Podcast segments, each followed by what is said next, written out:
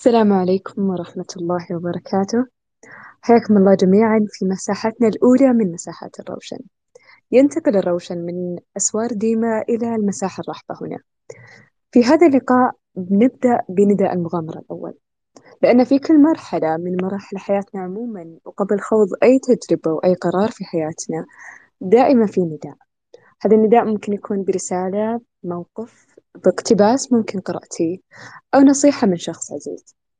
لكن غالبا لما يجينا هذا النداء نميل إن إحنا نتردد إما لنقص في ثقتنا من, من قدرتنا على اتخاذ الخطوة الأولى أو من خوض هذه التجربة نوع من التردد والتخوف من خروج من عالمنا الاعتيادي إلى ما هو خارج أسوار الراحة. ليش إحنا نسمع هذا النداء؟ وليش دائما قد نخشى التغيير؟ هذا الشيء اللي بتحدثنا عنه ضيفة اليوم لكن قبل ما. تتحدث ضيفتنا اليوم ودنا نذكركم بمشاركتنا اقتباساتكم وتجاربكم الخاصة على وسم مجالس الروشن هذا الوسم بناخذ منه تجاربكم اقتباساتكم رأيكم عموما عن هذا الشيء ويمكن تجربتكم أنتم في رحلتكم الخاصة معنا في هذه الستة أيام القادمة بإذن الله بناخذ المشاركات من هذا الوسم وبنصممها عشان ينتشر أثركم الطيب وعشان تتذكرون دائما كل ما شفتوها أنكم تتخذون الخطوة الأولى في رحلتكم الخاصة. الآن نترككم تستمعون إلى نداء المغامرة مع أستاذة جمان آثاني. ورحلة ممتعة. السلام عليكم ورحمة الله وبركاته. أهلا ومرحبا. بجميع الفتيات اللاتي يحملن هم الإصلاح والتغيير. سعيدة جدا بكوني معكم في هذه الليلة. بحوار خفيف. أرجو أن أكون فيه ضيفا خفيفا. يعني نناقش أمورا نحن نعرفها ولكننا كأننا نعيد النصاب إلى أو الأمور إلى نصابها. بسم الله والصلاة والسلام على رسول الله. قضية التغيير قضية يكثر الحديث عنها. ولا أظن أن مصطلح التغيير يخفى على أحدنا ولو لم يسلك طريقه. ولعل كل واحدة ربما يعني أرادت من من هذه المساحة أن تعرف معلومة أو تنظر إلى طريقة الحوار أو تستفيد شيئا زائدا لكن لا أظن أن واحدة منا هنا لا تعرف ما معنى التغيير ولا تعرف ما هو التغيير. لكن ربما كان يعني هذا الحوار سيجيبنا عن أسئلة هل التغيير الذي عرفناه كان محصورا في إطار معين وهو أكبر من هذا؟ وهذا هو الذي أود أن أجعله هدف هذا اللقاء. التغيير أشبع حديثا واستهلك مناقشة وامتلأت وسائل الإعلام والمنصات التعليمية والثقافية وكذلك الكتب برفع شعاراته والمناداة به. حتى ربما أصبح قضية مقلقة ومؤرقة ولذلك صرنا نسأل أصلا ليش نتغير؟ لماذا نتغير؟ وأنا بنفسي سمعت هذا الجواب أو هذا السؤال من كثير من البنات آه لما تطرح آه يعني شعارات التغيير آه يكون في حافز ثم لما تعظم هذه الشعارات نرجع شوي ونقول لا إحنا ما نقدر أصلا ليش نتغير؟ أصلا إيش الخطأ اللي فينا حتى نتغير؟ وإذا اقتنعنا يحيرنا سؤال كيف؟ فنحن نظل من حيرة إلى حيرة. يعني أتمنى أن هذا اللقاء يكشف قليلا أو يزيح قليلا من هذه الحيرة. الحقيقة لفتني تعريف مؤسسة ديما ممثلة بالأستاذة المبدعة هند مشرفة البرنامج لما حاكوا قصة البطل وأنه إشارة إلى أن في كل واحد منا بطل. وأظن أنه ترد إلى أسماعكم بعد قولي هذا الجملة الشهيرة من جد وجد تعلمناها في الابتدائية. وأيضا أخرج البطل الذي بداخلك. وهذه يعني كثير يرددها أهل التنمية وتطوير الذات حتى صار مثارا للسخرية أحيانا. وأبيات كثيرة مثل قولهم لا تنتظر ريحا تحرك ساكنا زمجر بنفسك وأصنع الإعصار. وكن أنت التغيير الذي تريد أن تراه في هذا العالم. ومقولة المفكر الإصلاحي الشهير غير نفسك تغير التاريخ. حتى ربما أحد هذه الشعارات أو كلها أو بعضها صارت شعارات استهلاكية أكثر من كونها مؤثرة ومحفزة. نداء المغامرة هو شعار نعم لكننا نستعين به على تحقيق الغاية في النظر إلى الواقع على صناعة الشخصيات أو صناعة شخصياتنا نحن على صناعة نماذج نجاحنا نحن بدون استعارتها من أحد. قبل أن ننطلق في التعريف بهذا. جميل أن نستقي أو أن نستقي من هذا العنوان نداء المغامرة أن يعني الشموس الساطعة في سمائنا التي لبت هذا النداء. ولعل هذا على لعل هذا الشعار تحديدا نداء المغامرة يرمز إلى أنه في كل واحد منا لحظة مفصلية أو موقف مهم تاريخي يعني انبثق منه نجمه وبالمناسبة يعني هذه القصص ليست حتى ننتظر أن تأتينا هذه الرسالة أو ننتظر وحيا من السماء يخبرنا أن نتغير لكن إنما هي إشارات تدفعنا وتحفزنا ولذلك هذه الشعارات نحن لا نسخر منها. وأيضا لا نجعلها غايتنا بل هي وسيلة إن لم تعجبنا تركناها آه طيب لما آه يعني أعطيكم كذا نماذج آه قليلة قبل الانطلاق في المحاور آه لقصة أحد الصحابة العظام الذي لما بلغه مبعث النبي صلى الله عليه وسلم قال لأخيه مثل كثير من المشركين آنذاك اركب إلى هذا الوادي فأخبرني بخبر هذا الذي يسمونه الصابئ آه الذي يقول أنه نبي واسمع من قوله ثم ائتني. فأتاه أخاه وقال له إنه رأيته يأمر بمكان من الأخلاق ويقول شيئا يشبه الشعر ويقول كذا وكذا. فقال ما شفيتني مما أريد.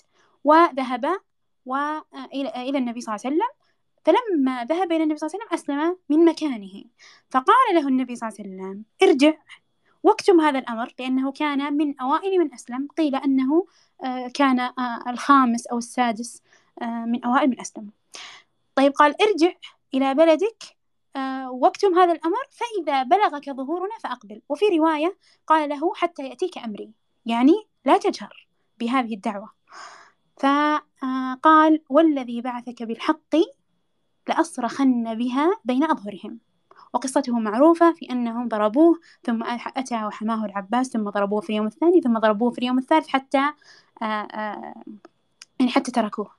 وصنع به في كل يوم يعني من الضرب والتعذيب وما زال يصرخ.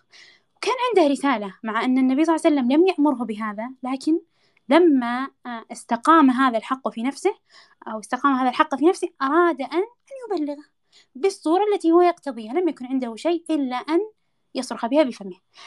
هذا الصحابي هو أبو ذر الغفاري. آه يعني هذه آه يعني معيار الشاهد هنا أنه اختار آه طريقة يغير فيها وإن لا ندري نحن من أسلم من حركته هذه ولا ندري هل هو انتفع أم لم ينتفع والنبي صلى الله عليه وسلم لم يأمره لكنه أراد أن يحدث شيئا. أخرج الطبراني من حديث أبي الدرداء قال كان رسول الله صلى الله عليه وسلم يبتدئ أبا ذر إذا حضر ويتفقده إذا غاب فكانت له مكانة عظيمة.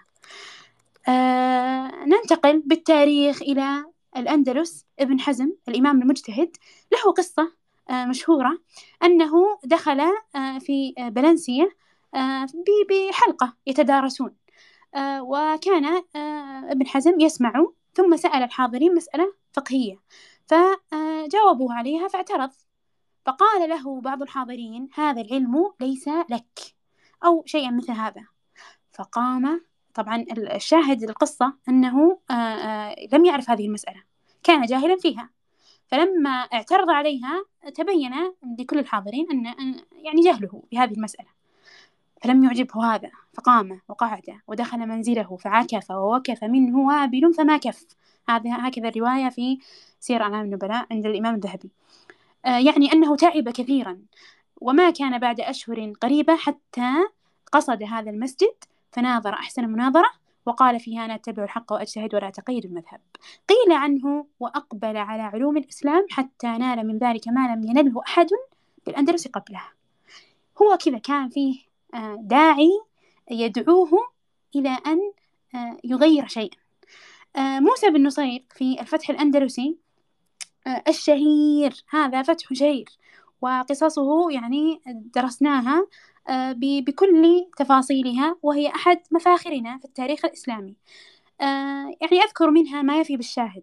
موسى بن نصير حاول كثيرا أن يقنع الخليفة بفتح الأندلس لكنه لم لم تأتي الموافقة خوفا على المسلمين عددهم القليل وعدد ومكنة القوط ذاك ذاك الوقت في الأندلس.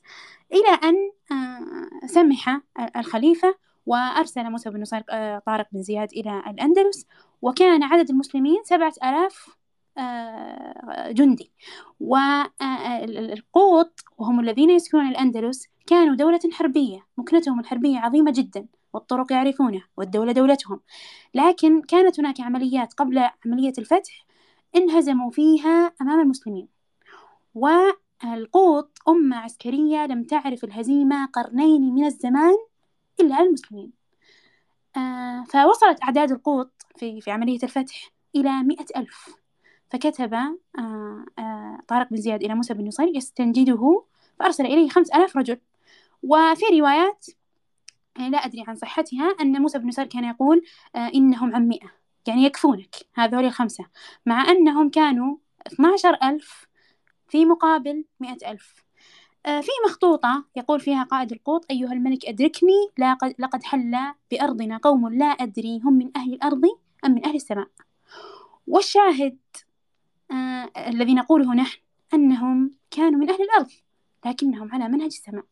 ما أوقفهم قلة عدد ولا متاع ولا أوقف قوادهم لأن آه يعني آه التاريخ يقول لو أنهم سحقوا جميعا عن بكرة أبيهم لكان هذا انتصارا لهم للمسلمين. بسبب عددهم الذي لا يعني يقارن بعدد أعدائهم. ومع ذلك نحن نقول والشاهد من هذه القصة أن المسلم إذا وضع خطة وجاء إلى الواقع وانصدم به لم يكن يتوقع هذا العدد آه لكن إن لم تناسبه يغيرها يفصل فيها على مقاسه ويبدع فيها وطبعا بلا شك يأتيه آه المدد من السماء آه والمسلم لديه سلاح دائما هو سلاح التوفيق. آه، الشاهد أن هذا آه، الشاهد من هذه القصة أنه لما كان هناك داع للتغيير لم يكن هناك مانع من الوقوف آه، أو لم يكن هناك داع إلى الوقوف. مهما كانت الفرص تلوح في الأفق أنه لا يمكن وأنه مستحيل. نختم بمفكرين إسلاميين عظيمين في مطلع القرن العشرين برز أحد المفكرين أو من أعلام الفكر الإسلامي آه، مالك بن نبي الجزائري الذي نشأ في وسط اضطراب في الحركات السياسية والدينية. آه، شب مالك بن نبي على الدين متأثرا بابن باديس سافر إلى فرنسا في عز شبابه في الثانوية يعني عمر آه، سبعة عشر أو أكثر أقل منها بقليل. واصطدم بالحياة الأوروبية الغربية دراسة وعملا وعيشا واستقرارا. لكنه ماذا قال؟ عن يعني ذهابه هناك أول ذهابه واصطدامه الآن, الآن هو عاش في في مدينة مدينة قسطنطينة يطلق عنها أنها مدينة العلم والعلماء. آه فلما كانت عنده هذه الثقافة الدينية ثم ذهب واصطدم بالحضارة الغربية قال كنت أرفع لوحدي هناك لواء الإصلاح ثم بعدها نشأت آه، آه، يعني نشأ فكره ورأى أن الجهل تعاظم وأن الناس تأثروا بالحضارة الغربية ولم يعرفوا كيف يستقون منها ماذا يدعون وماذا يتركون وماذا يأخذون. وبرز في مشكلات الحضارة مناقشة قضايا النهضة الإسلامية. لكن انظري إلى هذا الداعي الذي دعاه إلى أنه عنده فكرة ولا بد أن يبلغها وإن كان ليس معه شيء ذاك الوقت لم يكن مفكرا ولم يكن آه، عالما ولا شيء. آه، عبد الوهاب المسيري المفكر المصري المعروف كان منذ طفولته عقلا مفكرا وكانت تشغله أسئلة كثيرة إلى أن ترك بسبب هذه الأسئلة الصلاة والصيام. ترك الدين وانضم للماركسية لأنه لم يجد إجابات شافية لأسئلته. لكنه سمى هذه الرحلة الرحلة التي كانت كلها تساؤلات وكان يتعطش لمعرفة الحق لكنه لم يعرف ثم بعد ذلك عرف سمى هذه الرحلة في كتابه رحلة الفكرية آلام العودة فهو تحول من الفكر المادي الماركسي الاشتراكي العلماني إلى معتز بهويته وثقافته وسيرته حافلة بالوقوف ضد الظلم وضد آه، يعني ضد المشاكل الظلم عموما صغيرها وكبيرها ولذلك سموه أنه في ثقافته العليا معجون بالناس والبسطاء والعامة والفقراء. آه، من القضايا التي أفنى لها المسيري عمره قضية ما هو العلم. ولذلك آه، من مواقفه لنتاج العلم الغربي آه، في سنة 1965 سأل المسيري منجز القنبلة الذرية أوبنهايمر قال ماذا كان شعورك بعد اكتشافك القنبلة الذرية؟ قال تقيأت نتيجة على يعني دليل على نتيجة العلم أنه علم غير أخلاقي وكان هذا السؤال سؤال ما هو العلم؟ هل العلم هو الإنجاز فقط أم العلم هو نتائج هذا العلم؟ وكان يحارب كثيرا ويصحح كثيرا من مفهوم أن العلم هو الذي يغير ويطور وينتج حضارة وما سواه ليس بعلم. آه هذه إطلالات سريعة وعاجلة على بعض آه قضايا المصلحين أو قضايا آه رواد التغيير. ويعني ها ربما كان في حياة هؤلاء لحظات مفصلية وربما كانت هناك فرص مثل أبو ذر الغفاري مثلا لم تكن هناك لحظة مفصلية لكنها كانت فرصة وكان إيمانا راسخا دعاه إلى التصدي لهذه القضية. هنا نريد أن نسأل السؤال الأول للقائنا هذا. هل التغيير مجرد شعار أم أنه حاجة؟ أم هو ضرورة؟ وإذا نقول لا يحتاج أو لا يخفى على أي مريد للتغيير قول الله إن الله لا يغير ما بقوم حتى يغيروا ما بأنفسهم. وشواهد هذه الآيتين آه، أو هذه الآية آه، هناك آية أخرى في آه، هذه آية الرعد وهناك آية أخرى في الأنفال. ذلك بأن الله لم يكن مغيرا نعمة أنعم على قوم حتى يغير ما بأنفسهم. قوله تعالى الشاهد لهذه الآية ما أصابكم وما أصابكم مصيبة فبما كسبت أيديكم. وأيضا يقول وما أصابك من حسنة فمن الله وما أصابك من سيئة فمن نفسك. إذا أي شيء تريده تريد نريد أن نكونه لأنفسنا فهو عملنا. آه كل شيء نعمله هو نتاج أنفسنا. ولذلك آه يقولون من أراد أن يعرف نفسه فلينظر إلى نفسه في الخلوات أو من أراد أن يقيم نفسه آه فلينظر إلى نفسه في الخلوات. هذا هو نتاج نفسك هذا هو نتاجك. آه، آه، ولو عدنا لصفحات الأدب التي نقرأ فيها الصور الماجدة آه، عن ثقافتنا سنقرأ كثيرا عن فكرة البطولة والتغيير. فهذا أحمد شوقي مثلا في مرثيته الشهيرة لعمر المختار يقول خيرت فاخترت المبيت على الطوى لم تبني جاها آه، أو تلم ثراء إن البطولة أن تموت من الظمأ ليس البطولة أن تعب الماء. وقال الشاعر اللبناني إلي أبو ماضي فلئن ولدت ومت غير مخلد أثرا فأنت كأنما لم تولدي. وأنا أسألكم الآن يعني ماذا تشعرين؟ وأنت تقرأين قول عنترة وفي الغزو ألقى أرغد العيش لذة وفي المجد لا في مشرب أو طعام آه ثم لو طفنا بالمفكرين وتركنا المثقفين العرب وذهبنا إلى المفكرين الحائرين والتائهين الذين صنعوا فكرا ولكنه خارج آه، حدود الدين. كلهم يعني آه، تصدح كلماتهم بأن لا يموتوا قاعدين.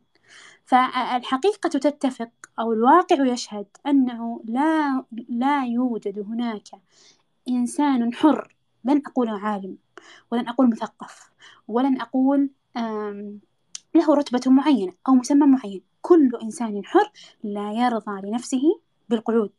ولذلك المفكر مثلا ال ال ال الألماني نيتشه يقول يجب على المرء أن يموت أبيا حتى لو لم يستطع أن يعيش أبيا. أو يعني عبارة تشبه هذا.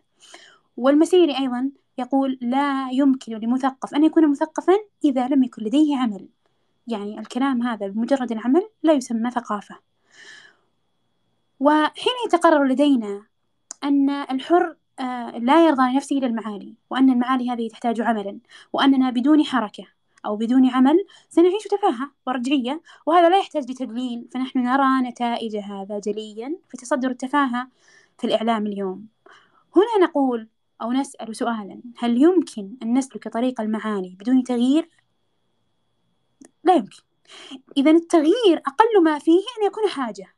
وأعيد إلى أذهانكم السؤال اللي طرحته آه، سابقا أو قبل قليل آه، هل هو التغيير آه، شعار أم حاجة أم ضرورة؟ وإذا نقول أن أقل ما فيه أن يكون حاجة حاجة. نحن نحتاج أن نتغير حتى لا تستولي علينا الثقافة. نحتاج أن نتجدد. وإذا قيل من لا يتجدد يتبلد. نحتاج أن تنبض فينا الحياة والحركة. والله عز وجل قال لمن شاء منكم أن يتقدم أو يتأخر لا يوجد وقوف إما إلى الأمام إما إلى الخلف. وكلما ارتفع الإنسان قدرا طموحا علما صار ضرورة. يعني هو في الأصل حاجة لكن على قدر طموح الإنسان يكون ضرورة. لا يستطيع العيش بدونها. ما أقدر. أنا أعيش بدون تغيير. فإذا عاش قانعا بدون تغيير صار كما قيل وعاجز الرأي مضياع لفرصته حتى إذا فات أمرا عاتب القدر. فهذا شأن القاعدين. والمتخاذلين وقد حكى الله في القرآن صورا شتى للقعود يعني ما يكفي الوقت الحديث عنها كلها ملصقة بالمنافقين إذ طبيعة المؤمن التحرك للخمول. فلما نجد الواقع ونصور حال الناس فنقول أن الفاشل يتعذر بالظروف ويتعلق بالأقدار والحظوظ أما الناجح فهو يفرح بالإصرار المثابرة. حتى لا ليس شرطا أنه يفرح بالنتيجة. يفرح بكونه يمشي على هذا الطريق يمشي في طريق أهدافه وفي طريق غايته التي يريد يريد الوصول إليها ولم يصل هذه حقيقة نطقت بها كتب التطوير وأيدتها تجارب الناجحين والواقع طيب ما هو التغيير؟ متى أصنف نفسي أنني أتغير وأتطور؟ أتوقع من هذه المقدمة يعني عرفنا ما هو التغيير لكن هناك تعريفات كثيرة للتغيير وغالبا يرتبط تعريفها بالثقافة. لكن الثقافة حصرت في زاوية ضيقة للمؤلفين والمنتجين والعلماء ولذلك سنجد تعريفات للثقافة دون, دائر دون التغيير.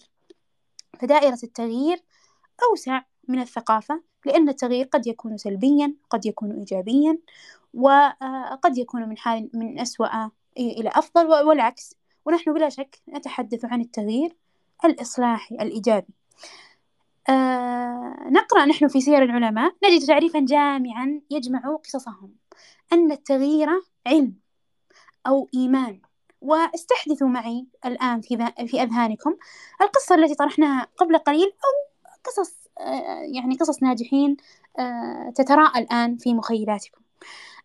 أن التغيير علم أو إيمان هذا الإيمان ينتج فكرة فينتج عملا وهذا العمل هو الذي يستحثه للمضي دون توقف أو هو تحويل الأفكار إلى أعمال. آه، أريد آه، أن أصير رشيقة مثلا نظمي جدولا له أهداف آه، في قياس لكل هدف فيه وقت تاريخ مثل ما نتعلم في دورات تحديد الأهداف. أريد أن أتخلص من القلق أريد أن أطمئن نقرأ كتابا في هذا الموضوع. نشاهد سلسلة تتكلم عن الطمأنينة. نتكلم نكلم متخصصا في هذا الموضوع. هذا واضح أن التغيير هو فكرة أو هدف وله إجراءات وأعمل بهذه الإجراءات حتى أصل إلى هذا الهدف. أهداف ولها إجراءات هذا تغيير.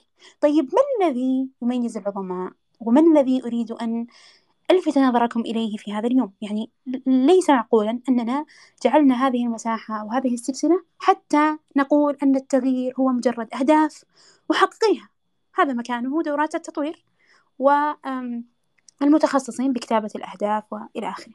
طيب ما الجديد الذي نريد أن نوصله أو ما المهم الذي نريد أن نركز عليه؟ نريد أن نركز على أن التغيير آه آه الذي آه ننشده هو التغيير الذي سلك طريقه العظماء ما هو الطريق؟ أنهم تجاوزوا دائرة التغيير الفردي إلى دائرة المجتمع. وهذا يميز المثقف أو الذي يريد التغيير العادي عن يعني هذا الذي يميز المثقف عن الفرد العادي أو المصلح عن الفرد العادي. وأنا أعتقد يقينا لأنني يعني أقول في دائرة التغيير مرادفات مثل الإصلاح مثل الثقافة. وربما التغيير أو أكيد أن التغيير يعني يشترك معهما في أمور وينفصل في أمور. لكن أنا أعتقد يقينا أن المؤمن لا يمكن أن يكون عاديا. هذا خيار غير متاح له غير متاح لك أنك تكونين عادية. المؤمن يجب أن يكون مغيرا ومتغيرا. يتغير ويغير. آه في مسألة ناقشها الفقهاء تستحق التأمل. يقولون الإنسان إذا كان على مستوى من الطاعة ثم انحدر لغفلة أو معصية ثم تاب.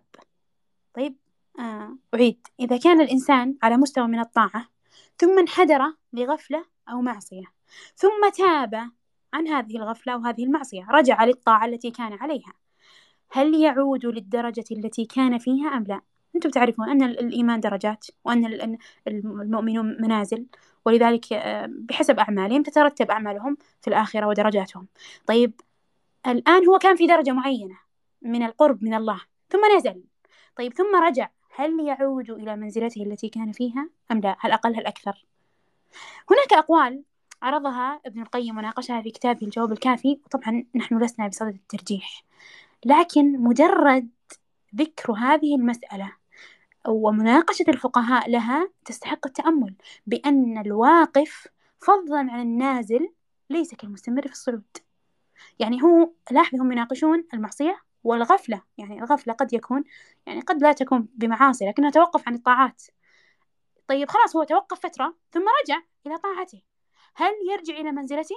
كثير من الفقهاء قالوا لا. وفي ناس قالوا بحسب التوبة بحسب الرجوع يعني بحسب همته يعود أو لا. ما في أحد قال لا لا يعود مباشرة ولا أحد. آه إذا هنا يعني قضية تستحق التأمل أن هذا آه يعني حتى فطرنا عليه في السنة الكونية أن الإنسان الذي يقف فترة ثم يعود يحتاج إلى لياقة في كل شيء في الكتابة في الرياضة. ولذا بعد تقرير هذا نستطيع أن نتجاوز سؤال كيف أعرف أنني بحاجة إلى التغيير؟ كيف أعرف؟ يعني هل كل واحدة منكم الآن لديها جواب واضح عن هذا السؤال؟ هل أنا بحاجة إلى التغيير؟ أنا أقول هناك معيار مهم في قضية التغيير وسهل وهو سؤال هل عندي رسالة؟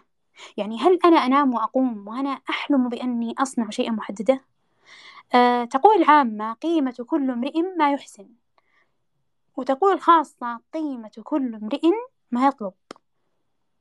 وأنا أقول قيمة كل امرئ القضية التي يحملها. قولي لي ما هي قضيتك؟ وأقول لك من أنت. في ماذا يهدر آه الوقت؟ في ماذا تهدر أوقاتنا؟ آه غالب أوقاتنا. ننام ونقوم على ماذا؟ يعني أحيانا آه، تكون لدينا فسحة من الدراسة أو نحن مقبلون على إجازة صيفية فليس عندنا شيء محدد. فنصحو وننام على مواقع التواصل بما فيها من من مجريات الحياة. لن نسميها بمسميات تفاهة وسخافة قد تكون من حاجاتنا لكن الحاجة أحيانا قد تزيد عن حدها إلى أن تصبح سخافة أو تفاهة. فمثلا بالنسبة لنا نحن الفتيات هل نعد هل نعد مشاهدة ال tutorial ال make up مثلا أو مشاهدة مصممات الأزياء هل نعدها تفاهة؟ أم أنه حاجة أم أنه فطرة. أنا أرى أنه فطرة.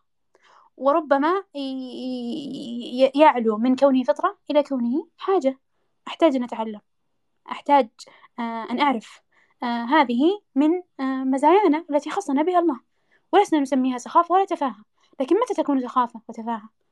إذا كانت هي الأصل المحوري في الحياة.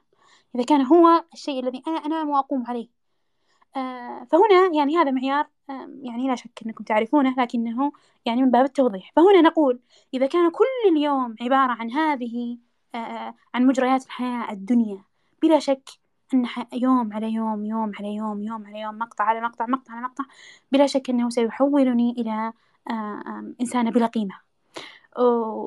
وهنا أنا أستطيع تحديد قيمتي. فإذا أنا أحدد قيمتي من وقتي المهدر في يومي.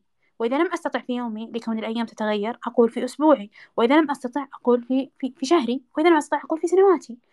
من بداية هذه السنة إلى تاريخ اليوم واحد وعشرين شوال بقي شهران على نهاية السنة. أكثر أوقات عمري راحت في إيش؟ هنا هذه نقول هذه قيمة. ولذا الأم التي تسمعنا الآن وتقول يعني ضاعت أوقاتنا في بكاء فلان تدريس فلان وترتيب وراء فلان وتجهيز لعرس فلان. أقول هذه قضيتك. فعلا أغلب أوقاتها ضاعت في آه، مشاغل ومجريات الحياة لهؤلاء الأبناء لكن أقول ما أسعدك وما أعظمك. هذه يعني استطراد لمهمة الأم العظيمة. إذا نقول كل واحدة تدرك أهمية أو تدرك قيمتها من آه، مكان أو انشغالها في هذه الحياة. إذا الذي يقصد التغيير يقصد أن ينفع نفسه نفعا لازما وينفع غيره نفعا متعديا. آه، من يفكر في الأفكار ويلهم الآخرين بالتغيير والتطوير. هذا هي صورة التغيير الطموحة. يعني ربما يكون التغيير تدريجيا سنتحدث عنه إن شاء الله في آخر الدقائق أنه آه، لا يلزم أن أخرج غدا في محاضرة آه، وأتكلم عن التغيير لأنني بدأت أن أغير. أو اخترت مجالي وحددت في أي مجالات سأكون ثم من الغد سأنشر مقالا أو كتابا أو سأبدأ في إعطاء محاضرة. ليس هذا هو المطلوب. لكن المطلوب أنني أعرف أرى بنفسي غايتي وأمشي بناء أو باتجاهها. أنا بحاجة إلى التغيير ما دمت أعيش وما دمت أتنفس. لا أحتاج أن تكون عندي مصيبة كي أتغير. ولا أحتاج نقصا كي أتعدل. وكفى بالمرء نقصا أن يعتقد بنفسه كمالا. ولذلك الإنسان الذي يقول طيب أنا ليش أتغير؟ مش لازم أتغير. الحمد لله أنا يعني في مسلم أصوم أصلي وأعيش حياة طيبة والحمد لله أذكر الله وانتهينا. أقول أن المؤمن دائما يجب أن يحاسب نفسه. والمؤمن دائما يعتقد بنفسه أنه يحتاج أن يتطور ويتغير ويتوب إلى الله. ولذلك يسمون التوبة وظيفة المسلم العليا أو وظيفة المسلم المتجددة. لماذا طيب؟ لأننا خطاؤون. فبناء على هذه الحقيقة التي خلقنا الله عليها هذه لا نستطيع أن نناقش فيها. بناء عليها فنحن نحتاج إلى تغيير مستمر. طيب هل نحن نرفض التغيير؟ ها سؤال مهم. هل نحن نرفض التغيير؟ نحن لا نرفض التغيير. أنا هكذا أعتقد أننا لا نرفض التغيير. وأني لا أظن أن هناك أحدا يقول بأننا ما نحب التغيير أو لا نريد أن نتغير. أنا أظن أننا نريد أن نتغير ونحب التغيير لكننا نخاف من دفع الثمن. طيب ما هو الثمن الذي نرفض من أجله التغيير؟ آه أنا يعني اجتهدت في كتابة ثلاثة نقاط آه رئيسية وربما يتفرع منها تفرع منها آه يعني نقاط عدة أتركها لكم. المفاهيم المغلوطة النقطة الأولى أن هناك مفاهيم مغلوطة بشأن التغيير. مثلها مثل حاولت فشلت جربت وما قدرت. يقولون ستنجح طيب كيف أنجح وأدخل هذه الدورات الكثيرة التي ترفع شعار النجاح؟ خطط وأصر والتزم بكذا وكذا ومثل البنت التي تريد أن آه، تنحف مثلا فتذهب إلى أستاذة تغذية أو أخصائية تغذية وتقول لها التزمي بهذا الجدول؟ تلتزم بهذا الجدول بالحرف الواحد بالمقاس الواحد ثم ما تنحف ولا شيء فتقول التزمت ما حدث شيء. هذا مشهد واقع أتوقع كلنا نراه. والله لي شهر أنا مبتدئة ولا لي أسبوع لي أسبوعين والتزمت وقلت كل ما في هذه الخطة وما حدث شيء ما صار شيء. وربما يكون معي صديقة أو أحد معي يجرب نفس التجربة وينجح وأنا لا أنجح. فأقول بلاها مش لازم؟ هنا نقول القاعدة الأولى فعليك بذر الحب لا قطف الجنة. على المرء أن يسعى إلى الخير جهده وليس عليه أن تتم المقاصد. الفشل ليس أن لا يتحقق الهدف الفشل أن لا نقف. السعي نجاح وإن لم نصل ولذلك ما هو المفهوم المغلوط الذي نريد أن نصحح قناعاتنا فيه؟ أن النجاح ليس هو الوصول. أن النجاح ليس هو تذوق الثمرة. النجاح هو الإصرار والمثابرة. يجب أن يستقر هذا المفهوم بأعماقنا لئلا نحبط ولا نيأس. الله عز وجل لا يكلف نفسا إلا وسعها. ويعني مر بخاطري وأنا يعني أقرأ أو أحضر هذه النقطة آه، جاء بخاطري آه، آه، زاوية التلذذ بالطاعة عند السلف. وربما تستغربون يعني ما دخلها لكنها جت في بالي. ويعني يعني أترككم مع الموقف. قال ابن المنكدر كابدت نفسي أربعين سنة حتى استقامت. أربعين سنة. أربعين سنة وهو يقوم الليل ويصوم ويتصدق وهو من يعني آه، كبار آه، السلف آه، من العباد العلماء. ومع ذلك يقول أنه كابد نفسه أربعين سنة. حتى قال له أحد السلف أو استقامت؟ ما زلت أجاهدها منذ أربعين ولم تستقم. وكذلك قال أو روي عن ثابت البناني أنه قال كابدت الصلاة عشرين سنة. وتنعمت بها عشرين سنة. مثل هذه الروايات كثير جدا جدا. وأظن أن أنها مرت بكم. ربما نحسب أنهم يبالغون أو أنهم لا يعيشون على مثلنا أو أنهم مثاليون. لكننا في الحقيقة مثلهم نمشي على نفس السنن الكونية. هل هم فاشلون؟ أو حتى هل هم مراءون حتى يذكرون هذه السنوات. نقول هم شموس الدنيا وهم منارات الهدى ولم يروا هذه الروايات. حتى يرووا قصة نجاحهم. لكن لتيقنهم يعني أظن والله أعلم أنه آه تيقنهم بأن دورهم المضي وليست النتائج. النتائج ليست بأيديهم. يعني سواء تلذذت أم لم أتلذذ أنا سأكمل. ولذلك نحن هذه أحد أسباب آه، عدم تغيرنا في مجال الطاعة أو في مجال العلاقة مع الله. أنا ما أستطيع. يعني ما شاء الله عليها فلانة تقعد وت... أو مثلا واحدة تقرأ ونسمع عنها آه كيف ما شاء الله حفظتي فلانة تقول أنا ما أحس بالوقت. أنا أقرأ بالساعة والساعتين أو أنا أقرأ الحمد لله جزء وجزئين وأنا أغسل المواعين. وأنت ترين نفسك تقولين والله أنا ما أقدر ما أقدر أمل آه، أو ما أستطيع. ولا أشعر بنفس اللذة اللي هي تشعر فيها. خلاص ما أقدر. هي الله فتح عليها ما فتح الله عليه هذا آه يعني آه ضرب من العشوائية في الوصول إلى الأهداف العليا في الطاعة وغيرها. آه ولذلك نقول يجب علينا أن نسعى وأن نستمر في السعي ما دمنا ندرك أن وسائلنا صحيحة وأن طرقنا التي نمشي عليها صحيحة وليس علينا أن تثمر النتائج. هذه النقطة الأولى. النقطة الثانية لا تكوني مثلهم. يعني إيش لا تكوني مثلهم؟ يعني اقتديت بفلان ولم أصبح مثله. طيب هل نحن يعني هل أنا أعتقد أنني أرفض القدوة في هذا؟ لا أنا أعتقد أنه لا توجد قدوة واحدة يمشي عليه الإنسان. إلى النبي صلى الله عليه وسلم. ولا لا يوجد في البشرية كامل. إلا صاحب هذا القبر مثل ما قال عمر بن الخطاب رضي الله عنه النبي صلى الله عليه وسلم. ولذلك القدوة عندي هي القدوة الجزئية. يعني من كل شخصية آخذ أحسن ما فيها. وليس أنني أقول فلان أنا بصير مثله. أنا أرى أن هذه سلبية. آه، دكتور خالد دريس يعني من أعظم من يعني من أفضل آه، المفكرين آه، هو متخصص بالسنة النبوية ويناقش قضايا جميلة بالفكر أنصحكم بالاستماع إليه. يقول أشرس معركة ستخوضها في حياتك هي أن تحقق ذاتك كما تريد. في عالم يبذل قصارى جهده ليجعلك كالبقية. أن تصنع نجاحك الذي أنت تريه آه، قصص الناجحين ترينا دائما الشجرة الباسقة بثمارها اليانعة ولا تعلمنا نوع التربة أو نوع الطقس. بمعنى إيش؟ بمعنى أن هناك إمكانات خارجية ليس لي يد فيها. ونحن طبعا المؤمنين نؤمن أن هناك شيء اسمه التوفيق. ربما لم أوفق لهذا لكن لو حتى أزحنا جانب التوفيق جانبا ورأينا إلى الإمكانات المادية. التوفيق جانب قوي معنوي. لما ننظر إلى الإمكانات المادية هناك ناس نشأوا في بيئة آه، ونجحوا هذا النجاح المناسب لهذه البيئة. نجاحك الذي فصلتيه على مقاسهم لم يناسبك لأن الإمكانات الخارجية لم تناسبك أو لم آه، آه، تتهيأ لك. وسنتكلم عن هذا يعني عن الظروف التي ليست بأيدينا. آخر اللقاء إن شاء الله.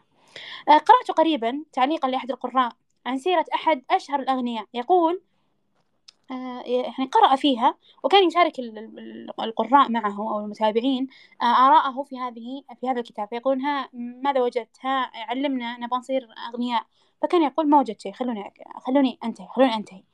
إلى أن انتهى وقال وددت لو أجد فيها طريقة لأستخدمها أو نصيحة أنتفع بها لكني ما وجدت إلا أنه كان محظوظا. بصرف النظر عن أنه ربما كان آه، يعني هناك آه، يعني خطوات عملية أو أو نصائح لم ينتبه إليها هذا القارئ لكن عموما قصته بظاهرها بتفاصيلها بأبرز أحداثها ليس فيها ما يدعو إلى أنه سلك شيئا ونجح فيه. ربما كانت عنده ظروف ربما كانت عنده فرص أتته ولم تهيئ لغيره. لذلك نقول لا تكوني مثل أي أحد. انطلقي أنت بإمكاناتك بمكانك بظروفك بمحيطك بقدراتك. الله عز وجل خلق وفرق والله عز وجل خلق المواهب مثل ما خلق الأرزاق. فنحن لا نستطيع أن نجعل من سوداء بيضاء كما لا نستطيع أن نجعل من نغير ألوان الجلود أو نغير أنواع الشعور أو نغير مقاسات العيون. حتى مهما برع برعت أدوات التجميل فلهم قدرة محدودة لا يستطيعون على التغيير الكلي. إذا كل واحد لديه نطاق مثل ما خلق الله هذه الأشكال مثل ما خلق الله هذه الأجساد خلق مثلها المواهب والأرزاق. ووزعها. أنت لديك موهبة ليست عند هذه القدوة التي تريدين أن تصبح مثلها. انظر إلى نفسك. هذه النقطة الثانية. النقطة الثالثة. هذا الطريق محفوف بالآلام والآلام فقط. طبعا هذه تردد من قبل الذين يرفضون التغيير. مستحيل يتغير شيء. ولذلك نقول هل التغيير شقاء؟ هذا سؤال بطريقة أخرى. كيف نغير المجتمع وهو مكبل بعادات وتقاليد؟ بل أنا كيف أتغير؟ وهذه يعني إيش نقول؟ تنفيس للبنات ومشاركة في همومكن التي يعني أشارككم فيها. أن البنت تواجه كثيرا من العقبات في تحديدها أو في تحقيقها في مسار تحقيقها لأهدافها. ليش؟ لأنها فجأة جو ضيوف. فجأة انخطبت. فجأة ملكت. وفجأة جاها ولد. وصار هو أول أولوياتها وياخذ كل وقتها ما تستطيع أن تحقق أي هدف من الأهداف. الظروف قد تكون غير مستقرة كثيرا والظروف قد تكون ليست بأيدينا كثيرا ولذلك قد يكثر هذا السؤال أو يكثر تكثر هذه المشكلة أني ما أقدر أصلا أغير نفسي عشان أروح أطلع أغير الآخرين؟ ما ما أقدر. ولذلك نقول مثل هذه التساؤلات ترى مرت بك وبغيرك ومرت حتى عند الرجال. هي بوابة الاعتزال لكل صاحب رسالة. ولذلك عندنا ظاهرة انتشار المثقفين بالمكتبة. يقرؤون ويكتبون ويحللون ويناقشون عندهم مساحات والعالم في الخارج مضطرم ومضطرب. ليش؟ لأن التغيير هذا يورث تشاؤم. هل يورث تشاؤم؟ إيه يورث تشاؤم. لكن الذكي من يحافظ على تفاؤله. وهذا منهج النبي صلى الله عليه وسلم. لا تحزن إن الله معنا. آه التفاؤل يرفع مستوى العقل لرؤية الفرص. الواقع لا شك أنه محبط.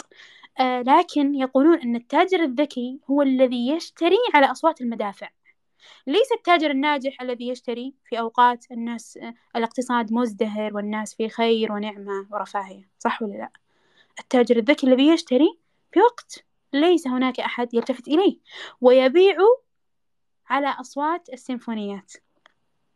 يعني أنه آه، يعني أنه في, في, في, في الوقت الصعب آه، يستغل مهارته أو يستثمر فرصه. لا تهدر الفرص انظر إلى الخير في داخل الشر. لا يمكن أن تقعدني كلمة أن الواقع صعب. هذه كلمة الفاشلين. ممكن أنا ما أنجح. ممكن. أنا يعني أعفو عنك إن لم تنجحي وأنا أسامحك إن لم تصلي لكن ما أسامحك. إن أنت جلستي. أنت قطعت الطريق ولم تجربي. أنت جلستي ولم تنظري. نظرت إلى بداية الطريق فقط. لذلك الناس يقولون يعني نحول هذا الكلام أو هذه النقطة إلى الواقع وماذا يقول الناس؟ في المعركة الشرسة التي تخوضها أو نخوضها في تحقيق أهدافنا أنت وجهك أنت شايف العالم؟ وين عايشة أنتي وين عايشة الناس اللي معك هذول اللي يقرؤون كلام فاضي أنتم وين؟ وإحنا وين؟ كم مرة سمعنا مثل هذا؟ لكن لا نيأس. لا نيأس بتغيير العالم لأن الله عز وجل يقول إنه لا ييأس من روح الله إلا القوم الكافرون.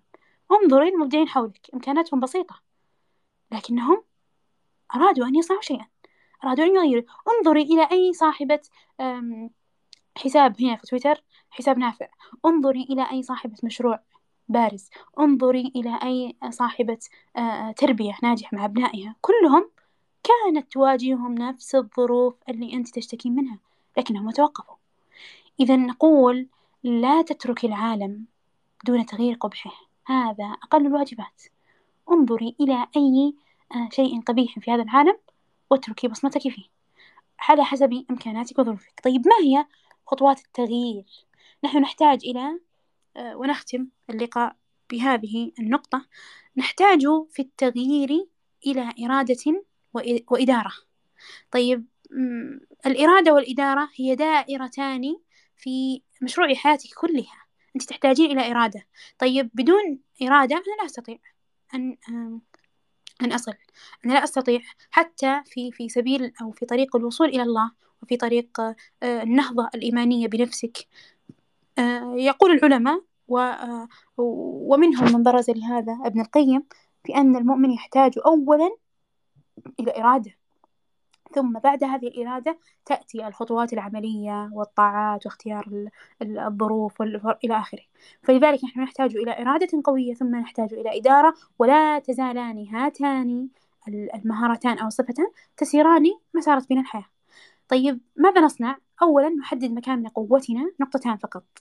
تحديد مكامن القوة ومواطن التميز والتفرد والثاني التدرج.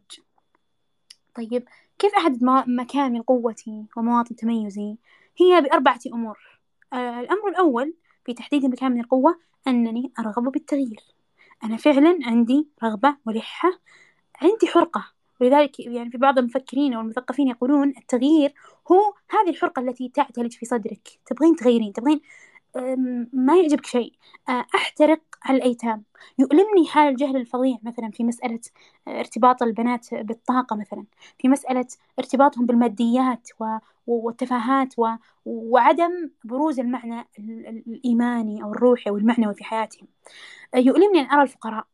يؤلمني أو يحزنني أن يبتعد الأطفال عن اللعب والحركة. إيش اللي يشغل بالك؟ ما هي القضية التي تؤرقك؟ هي هذه الحرقة اللي أنت تحترقين فيها الآن بناء عليه أنا سأتغير حتى أغير. هذه النقطة الأولى الرغبة. النقطة الثانية تحديد الإمكانات داخلية وخارجية. وقد تكلمنا عن الإمكانات الخارجية هي المحيط والبيئة. يعني مثلا في في في هذه النقطة في فائدة جميلة جدا. إحنا ما نلتفت لها. فدائما إذا قلنا مثلا فلان من الناجحين نجح مثلا فتح بزنس ونجح لأنه آه، ثري عنده آه، آه، ميراث أو عنده آه، مساعدة من أبيه أو أمه أو أهله أو مديره أيا يكن. فنقول لا تستطيع أن تنجح مثل نجاحه وتبدأ هذا كذب. هذا ضياع للوقت. لا نستطيع إلا لو عندي خطة محكمة يؤيدها الواقع وتشهد لها الظروف ويشهد لها العلم إلى آخره أنه ممكن. فلذلك إذا هناك مسافة طويلة لتحقيق هذا الهدف ولا يكفي لها العمر إذا أنصرف عنه شيء أنا ليس بيدي لا أغرق عمري فيه إلا إذا كنت أستطيع تحقيقه. فهنا نقول في هذه الفائدة الإمكانات الخارجية أن العمر ما يكفي لتحصيل المواد والمكتسبات. أحيانا لا يكفي للداخل يعني إحنا كم أعمارنا الآن؟ وعندنا أمنيات وطموحات. ومراتب للعباد نريد أن نصلها ما نصل ما, وصلنا إليها صح ولا لا؟ إذا كيف الواحد يضع خطة ويقول أنا سأكتسب مئة مليون من الصفر؟ كيف والله يعني بشوف وبأقرأ قصص الناجحين. لا لا يمكن. لابد أن يكون للواحد خطط واقعية تتلائم مع ظروفه المحيطة الظروف المادية. هذه الإمكانات الخارجية. أما الإمكانات الداخلية فهي تتعلق بالمواهب التي هي من الله. يعني أنا حاولت أن أحفظ كثيرا ولم أستطع. وصديقتي حفظت ما شاء الله متون كثيرة. آه، في وقت أنا ما قدرت أحفظ إلا آه، خمس أبيات ولا آه، وجهان من القرآن. فأقول لا أنا أريد أن أحفظ مثلها. طيب هذه موهبة لم تكن عندك. موهبة ليست لك. طبعا هذا يأتي بعد يعني التجربة الخبرة. فنقول انزاحي عنها لا تضيعي فرصك في موهبة ليست موهبتك. وانتقلي عنها إلى موهبة تحسنين فيها. والمواهب كثيرة حفظ استنباط تحفيز تحليل قيادة تعليم فهم الآخرين إنصات مهارات كثيرة كثيرة جدا. لا يمكن أن تضيقي على نفسك الإطار بنماذج معينة أختي ولا بنت خالتي ولا الناجح الفلاني ولا المفكر الفلاني ولا حتى العالم الفلاني. أن تنظري إلى مكامن قوتك. وبناء عليها آه، حددي مجال تغييرك. طب النقطة الثالثة أراء الخبرة في وهذه نقطة مهمة أنا أجد أن كثير من البنات لا يهتمون بها وهي أنهم يستشيرون أهل المعرفة والخبرة. أستاذ معلم أب أخ أم صديق صديقة. آآ آآ يعني نسأل ونستشير وربما حتى لو كانت هذه الأستاذة مثلا آه، تميزت بأنها ما شاء الله تعرف تحلل الناس أو أنها تفهم الآخرين أو أنها لها خبرة مع الفتيات مثلا. فحتى لو كانت لا تعرفني أذهب إليها وأقول لها أنا عندي كذا وكذا وكذا وأنا مهاراتي كذا وكذا وأنا تجاربي كذا وكذا أنت إيش رأيك؟ آه الاستشارة خير معين آه آه، يعني كشف أغوار نفسي أو كشف أسرار نفسي. أنا ماذا أستطيع أن أقدم؟ وربما يأتي من سؤال النفس ما ألاحظه في نفسي والله عز وجل قال بل الإنسان على نفسه بصيرة أنت أعرف الناس بك. فإذا لابد أن لا استفرغ الوسع في السؤال عن نفسك. أنا مين؟ ما هي مواهبي وقدراتي؟ آه وطبعا هذا التواضع هنا مذموم و آه أنا أسميه يعني الكذب على النفس أحيانا. يعني أنت مميزة في شيء تقولين لا لا لا من باب التواضع من باب يعني عدم التكبر. هذا بينك وبين نفسك. ما حد قال اطلعي وانشري للملأ وقولي أنا مميزة في كذا وكذا. أنت بينك وبين نفسك اجلسي واسألي نفسك أنا بماذا أتميز. آه النقطة الرابعة مدى الاحتياج. ولذلك أو في هذه النقطة آه يناقش المصلحون والمثقفون والعلماء أي أي رافع للواء الإصلاح يناقش يناقشون سؤال ما الذي سينفع بعد سنوات؟ يعني مدى الحاجة لهذا التغيير الذي أنا سأغيره؟ يعني أنا ربما أحفظ منظومة في قضية معينة. مثلا خرجت ظاهرة من الظواهر في موضوع معين. مثلا نقول الارتباط بالعلوم المادية مثلا. نقول منها العلاج بالطاقة مثلا. فخرجت منظومة في العلاج بالطاقة وحفظتها. آه، وعرفت العلاج بالطاقة هو إيش وعرفتها من ناحية علمية ومن ناحية شرعية وجلست أعمل فيه ثم انتهت هذه الأزمة أو انتهى هذا إن شاء الله ينتهي. وخلاص انتهينا وخرجنا منها. آه، أنت ما مقدار تحصيلك في هذه الفترة؟ ما عندك شيء إلا هذا الموضوع الضيق اللي هو العلاج بالطاقة. طب هل عندك مثلا أساس عقدي؟ معين؟ هل درست متنا في العقيدة مثلا؟ هذا على سبيل التغيير الفردي تغييرك نفسي. لا ما عندك شيء. إذا المدى اللي, اللي أنت جلستي تغيرين فيه مدى قصير جدا. فانظري إلى المدى الأبعد. ولذلك لما أناقش هذه القضية أروح أسس نفسي أصلا في العقيدة. وأسس نفسي في أصل الخلل في هذا في هذه القضية قضية العلاج بالطاقة. ثم لو جاءتني مئة ألف قضية بعد العلاج بالطاقة أنا أستطيع أن أنزلها على العلم اللي عندي. أما أنني بس أبحث في قضية واحدة ستندثر أو ربما تخفو تخبو آه ثم لا يكون آه لا يكون لهذا الوقت الذي استنزفت فيها شيء يذكر هل الأمة تحتاجه؟ طبعا هذا سؤال مهم هل الأمة تحتاج هذا؟ لأننا إنما وجدنا لرفعة أمتنا سواء هذا التغيير في نفسي أو لغيري هل سينفعني؟ هل سينفع أمتي؟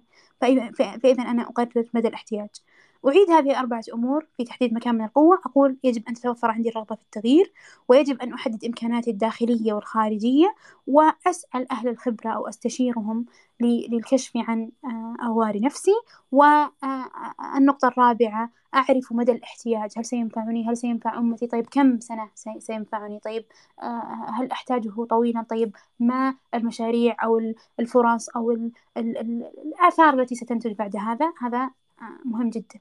ولذلك أنا أظن أنه متى حددت هذه الأربعة أمور لا يمكن أن يكون التغيير في مسار خاطئ. بعد توفيق الله. مع التدرج فأنا أحدد عادة أغيرها عبادة أستمر عليها سلوكا معينا صغيرا ما يأتي جملة هذه قاعدة ما يأتي جملة يذهب جملة.